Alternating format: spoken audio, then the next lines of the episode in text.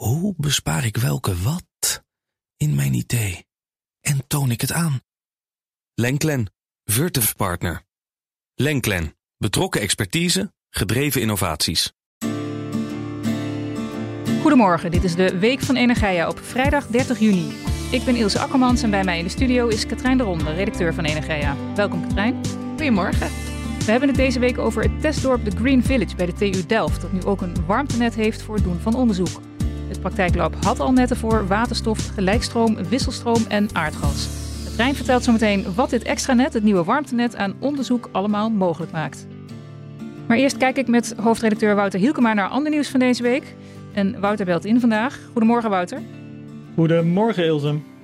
Welke onderwerpen vielen jou op in het energienieuws van deze week?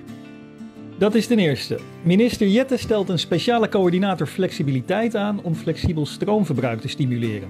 Dit moet de capaciteitsproblemen op het elektriciteitsnet verminderen.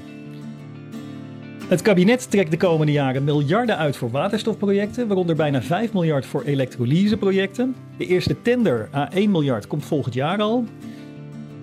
En tot slot, er moet een einde komen aan de telefonische verkoop van energiecontracten en aan de verkoop van deur tot deur, vindt de Tweede Kamer. Minister Adriaansens doet een eerste voorzet.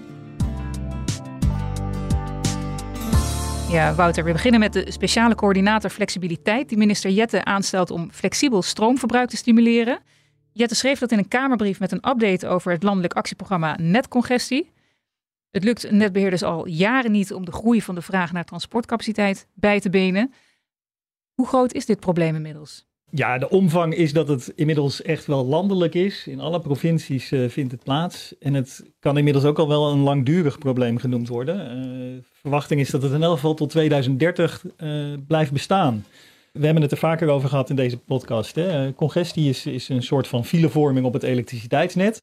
-hmm. dat kan in twee richtingen. Hè. Je kan filevorming bij invoeden hebben. Dus dat is bijvoorbeeld nieuwe zonneparken hebben daar last van of bij afname. En dat maakt het moeilijk voor bedrijven om uh, hun bedrijfsvoering te elektrificeren, om op die manier te verduurzamen. Mm. Nou, je ziet dat in beide richtingen, eigenlijk overal in het land, nu uh, congestie optreedt door een toename van het aantal aanvragen. Nou, om, om even een ordegrootte te schetsen van, van die toename. Tenet, de landelijk transmissienetbeheerder, die heeft in 2022 voor 53 gigawatt aan transportcapaciteit aangevraagd gekregen.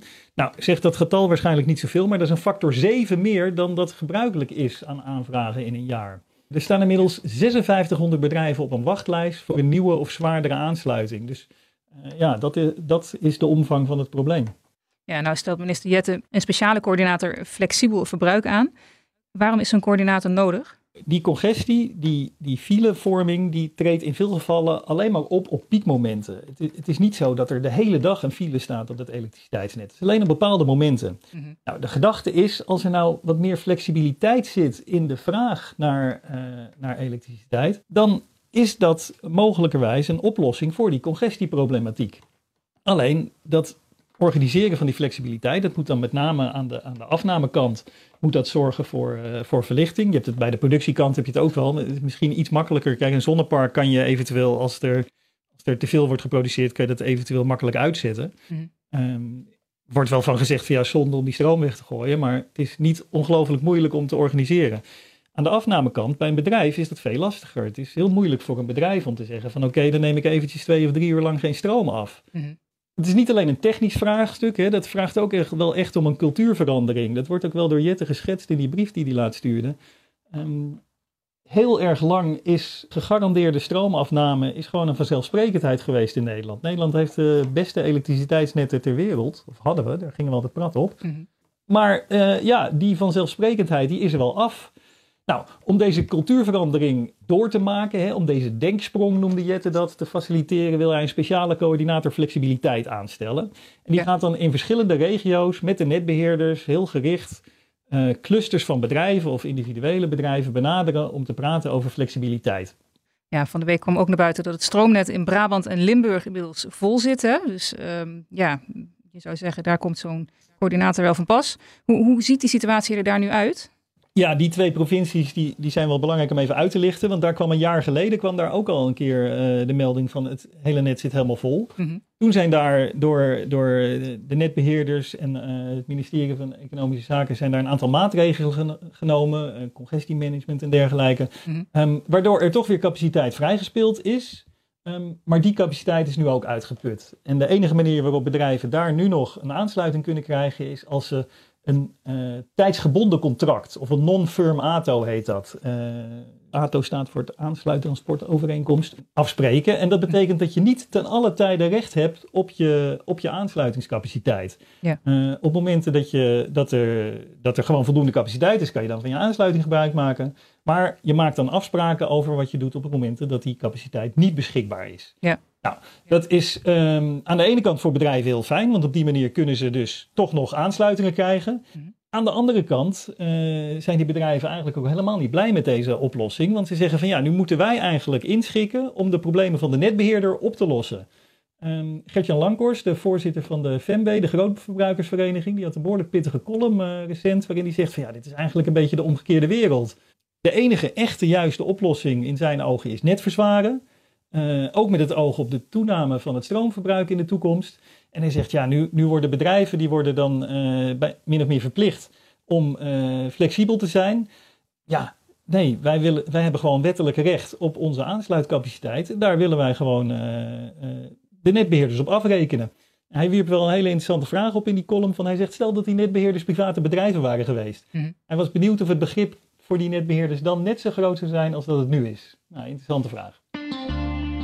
Dan gaan we naar je tweede onderwerp. Het kabinet wil komend jaar voor elektrolyseprojecten een tender uitschrijven van 1 miljard euro. En ook komt er een tender voor de import van waterstofdragers, zoals waterstof of ammoniak.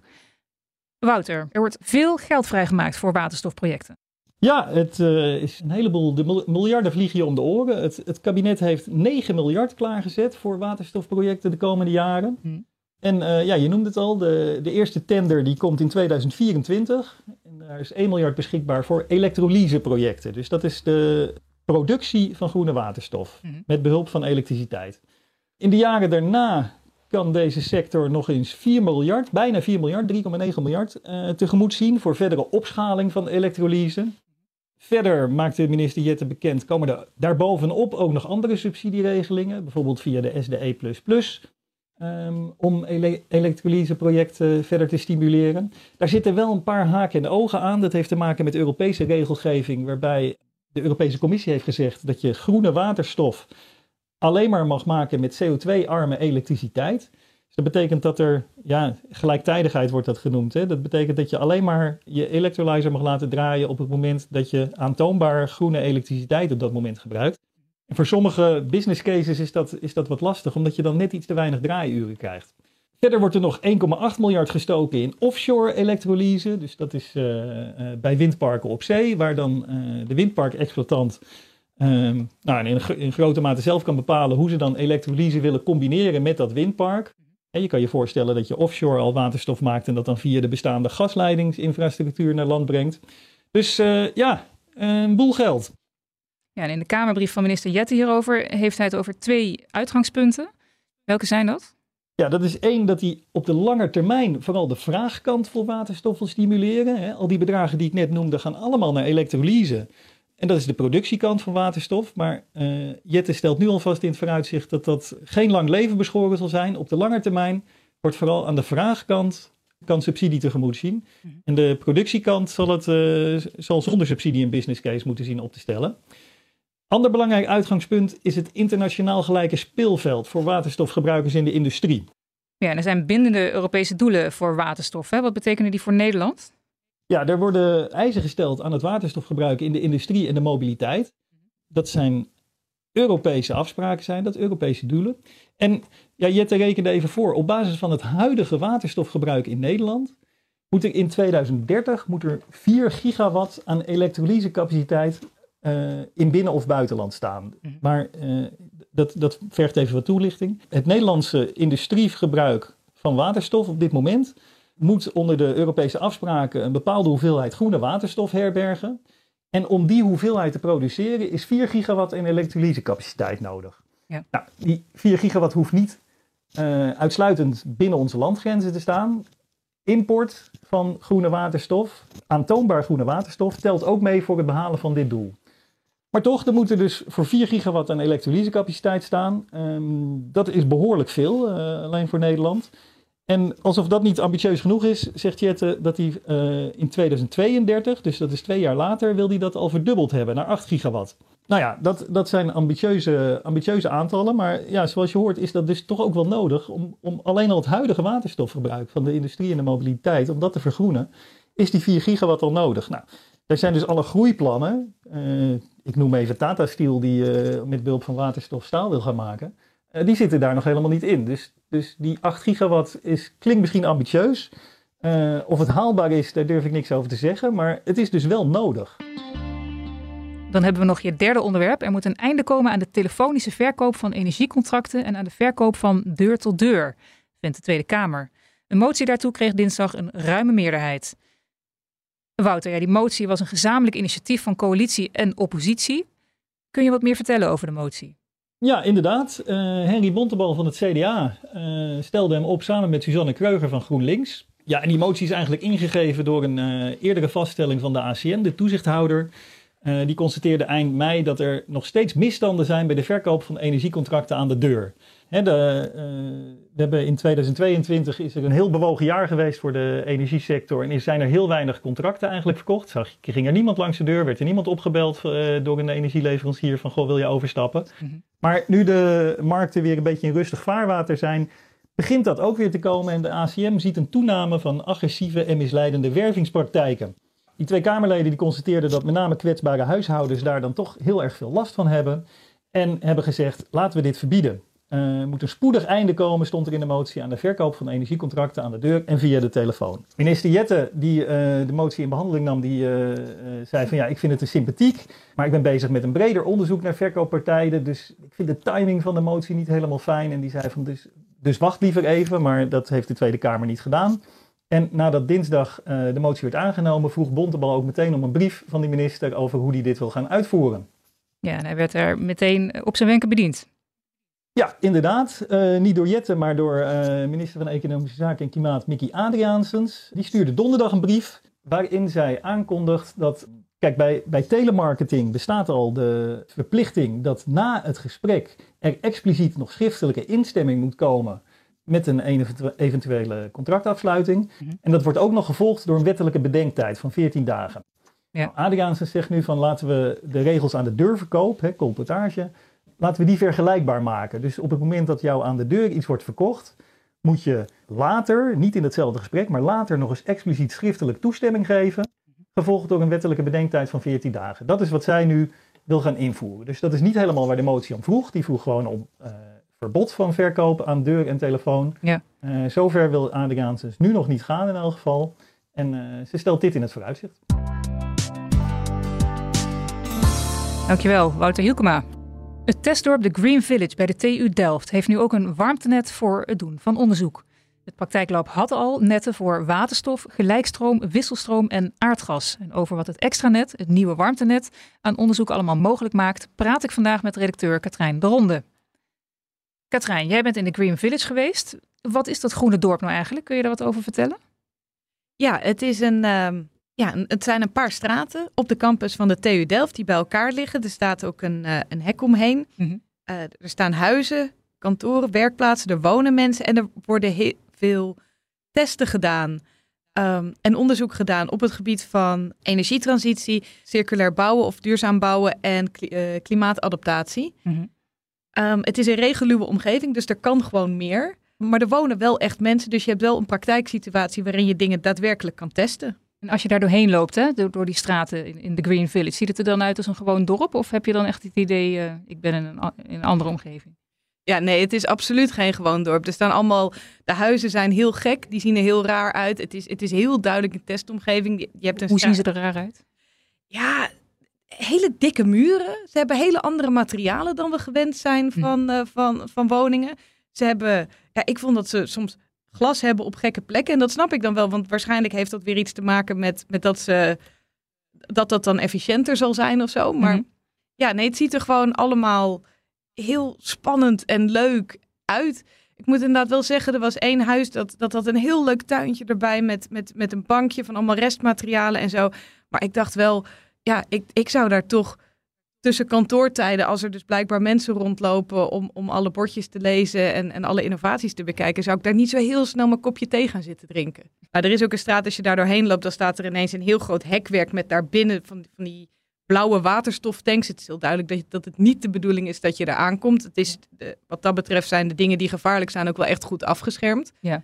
Of gevaarlijk kunnen zijn, zijn goed afgeschermd. Maar tegelijkertijd, het is heel groen. Allemaal planten overal. Hoge wuivende grassen. Ik was er op een hele zomerse dag. Het was echt, het was heerlijk. Ja. De testdorp had in ieder geval een waterstof, een gelijkstroom, een wisselstroom en een aardgasnet. En daar is nu dus een warmtenet bijgekomen. Wat kunnen ze daar bijvoorbeeld mee onderzoeken? Uh, het warmtenet is, uh, is daar neergelegd door de netbeheerder Steden, Enexis en Alliander. Die hebben een open innovatie uh, warmtenet gelegd. Ik ga eerst even uitleggen wat het, wat het is. Mm -hmm. Het is een, een ringvorm en doordat het een ringvorm is, kun je dus bepaalde stukjes kun je daar testen doen zonder dat de rest van het net daar heel erg last van heeft. En je kunt er ook extra huizen aan hangen zonder dat je allemaal hoeft te gaan uitbreiden. Um, er hangen op dit moment drie woningen aan een kantoor en een werkplaats. Die hebben bidirectionele um, warmtewisselaars. Dat betekent dat dus niet alleen het net warmte kan leveren aan de woningen, maar dat die warmtewisselaar er ook voor kan zorgen dat de warmte vanuit de woning weer het net opgaat. Mhm. De woningen hebben ook een alternatieve uh, vorm van, van warmtevoorziening in de woning. Uh, en op die manier, want er wonen dus mensen, uh, zodat op die manier in de woorden van de netbeheerders er ruimte is om testen te doen die minder leveringszekerheid van warmte opleveren. Mm. Uh, en zoals een aantal keer werd gezegd tijdens de opening, betekende dat er kunnen dus dingen misgaan tijdens de test. Er kunnen dus dingen stuk gaan. Dat is niet de bedoeling. Het is ook niet de hoop. De hoop is dat de testen succesvol en positief zijn. Maar als het dus misgaat, zitten de bewoners niet in de kou. Ja. Wat ze er willen gaan testen of wat ze er kunnen gaan testen. Uh, eigenlijk ligt er nu dus een open uitnodiging van kom bij ons project te doen. We hebben dit net neergelegd. En wat ze kunnen gaan testen zijn dingen als uh, wa verschillende warmtebronnen. Uh, hoe werkt het met warmteopslag? Hoe stuur je de netten goed aan? Ja, wat is de, de efficiëntie? Al dat soort en nieuwe innovaties natuurlijk. Als je prototypes hebt, kun je die daar neerzetten. Kijken wat ze in de praktijk doen. Ja. Al dat soort dingen. En er liggen nu dus vijf netten naast elkaar. En de onderzoekers willen bekijken hoe die infrastructuursystemen al dan niet kunnen samenwerken. Hoe moet ik me dat dan in de praktijk voorstellen? Er liggen dus daar die vijf verschillende netten naast elkaar. En de vraag is een beetje van hoe, kunnen, hoe hebben die effect op elkaar? Hoe kun je de, met de een gebruiken en wat doet dat dan met de ander? En ik, een bekend voorbeeld is de combinatie van elektriciteit en warmte. Want je kunt dus met een warmtenet verwarmen, maar je kunt de verwarming ook via een warmtepomp met elektriciteit doen. Maar je kunt ook elektriciteit gebruiken om de warmte voor het warmtenet te bufferen in een opslag. -hmm. Um, en de vraag is een beetje, er zijn allemaal berekeningen van dat dat heel efficiënt zou moeten kunnen werken. Mm -hmm. De vraag is, gebeurt dat ook in praktijk als je het daadwerkelijk uitvoert? En dat is dus iets wat je hier uh, in de Green Village op kleine schaal kunt gaan testen. Ja. ja, en je bent daar dus geweest. Welke andere mooie voorbeelden heb je daar nou uh, gezien? Het was echt ontzettend leuk. Je kunt er, ik ben er geweest, maar iedereen kan erheen. Tussen, Mhm. mm. bij, tussen kantoortijden van 9 tot 5 mag je er rondlopen. Kun je alle innovaties bekijken. Er staan bordjes bij. Het is echt geweldig. um, ze hebben er bijvoorbeeld een windturbine die 3D is geprint van gerecyclede kunststof. Mm. Ze hebben er een thuisbatterij die is gemaakt van tweedehands scooterbatterijen. Het zijn gewoon echt hele leuke dingen. Er is een hitteplein waarbij ze dus kijken van hoe kun je zorgen dat het minder warm is. Mhm. Um, en je hebt er ook een heel zelfvoorzienende woning, begrijp ik hè? Uh, ja, die heb je ook. Um, en dan, daar zit dan weer uh, ook weer zonnepanelen bij, maar bijvoorbeeld ook elektrolyse. En dan wordt er dus gekeken van kunnen we die woning uh, 24 uur per dag um, zelfvoorzienend houden door um, de, de accu en de elektrolyse en de waterstof en de ketel en de zonnepanelen allemaal zo op elkaar af te stemmen dat die woning gewoon echt onafhankelijk zelf draait. Ja, en ook met het oog op dat dat straks dus in, in werkelijkheid buiten de grenzen van de Green Village kan worden uh, ingevoerd? Uh, ja, de dingen die op de Green Village uh, gebeuren, die kunnen in de praktijk worden ingevoerd. Het kan natuurlijk ook misgaan. Mm -hmm. Er mogen ook dingen misgaan. het kan ook zijn dat het gedeeltelijk wordt uitgevoerd of dat bepaalde delen wel lukken, bepaalde delen niet. Het is, de Green Village is eigenlijk bedoeld als de stap tussen het laboratorium en een pilot. Dus het is de plek waar je je eerste prototype neerzet. En je gaat kijken van oké, ik heb echt een ontzettend gaaf prototype gemaakt van, nou ja, een waterstofketel bij wijze van spreken. En ik denk dat hij fantastisch werkt. Ik hang hem in de Green Village op en dan kijken we of hij doet wat hij volgens het lab en mijn berekeningen zou moeten doen. Ja. ja dat hebben ze dus op heel veel verschillende vlakken kun je dat daar uitproberen. Ja. Ja, de Green Village ligt op het terrein van de TU Delft. Zijn er ook andere partijen actief op dat terrein? Ja, de, het, is, het is een testomgeving. Dus er lopen allerlei verschillende projecten met bedrijven, met onderzoeksinstellingen. Ehm, er wordt zeg maar een soort basisinfrastructuur aangeboden van hier kan het, hier mag je dingen doen. Mhm. Ehm, en dan per project nou, wordt er subsidie aangevraagd, worden er samenwerkingen gezocht en wordt het daar uitgevoerd. En, en hoe wordt het gefinancierd? Via projectsubsidies en, en via partners die meewerken. En dat, dat wordt dus per project wordt dat uh, bekeken van hoe, de, hoe zo'n test uh, tot stand komt. Er is niet één budget voor de Green Village? Nee, en wanneer mogen de in de Green Village geteste technieken worden toegepast in de buitenwereld? Op het moment dat ze succesvol zijn uh, en, dat het, en dat de, of dat de testresultaten daar aanleiding toe geven, kunnen ze worden ingezet in, in pilotprojecten. Want het is niet per se de bedoeling dat het meteen grootschalig wordt uitgerold. Het is zeg maar zo'n zo'n tussenstap in het, in het geheel. Ja. En is de Green Village ooit af? Nee, de Green Village is nooit af.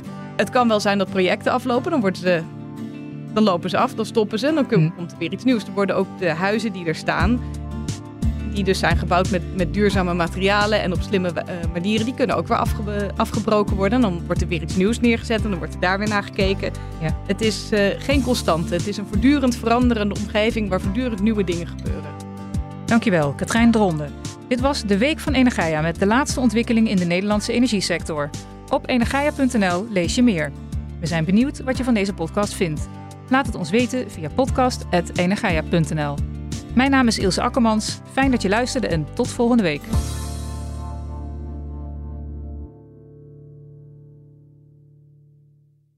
Hoe bespaar ik welke wat in mijn idee en toon ik het aan? Lenklen, Virtuf Partner. Lenklen, betrokken expertise, gedreven innovaties.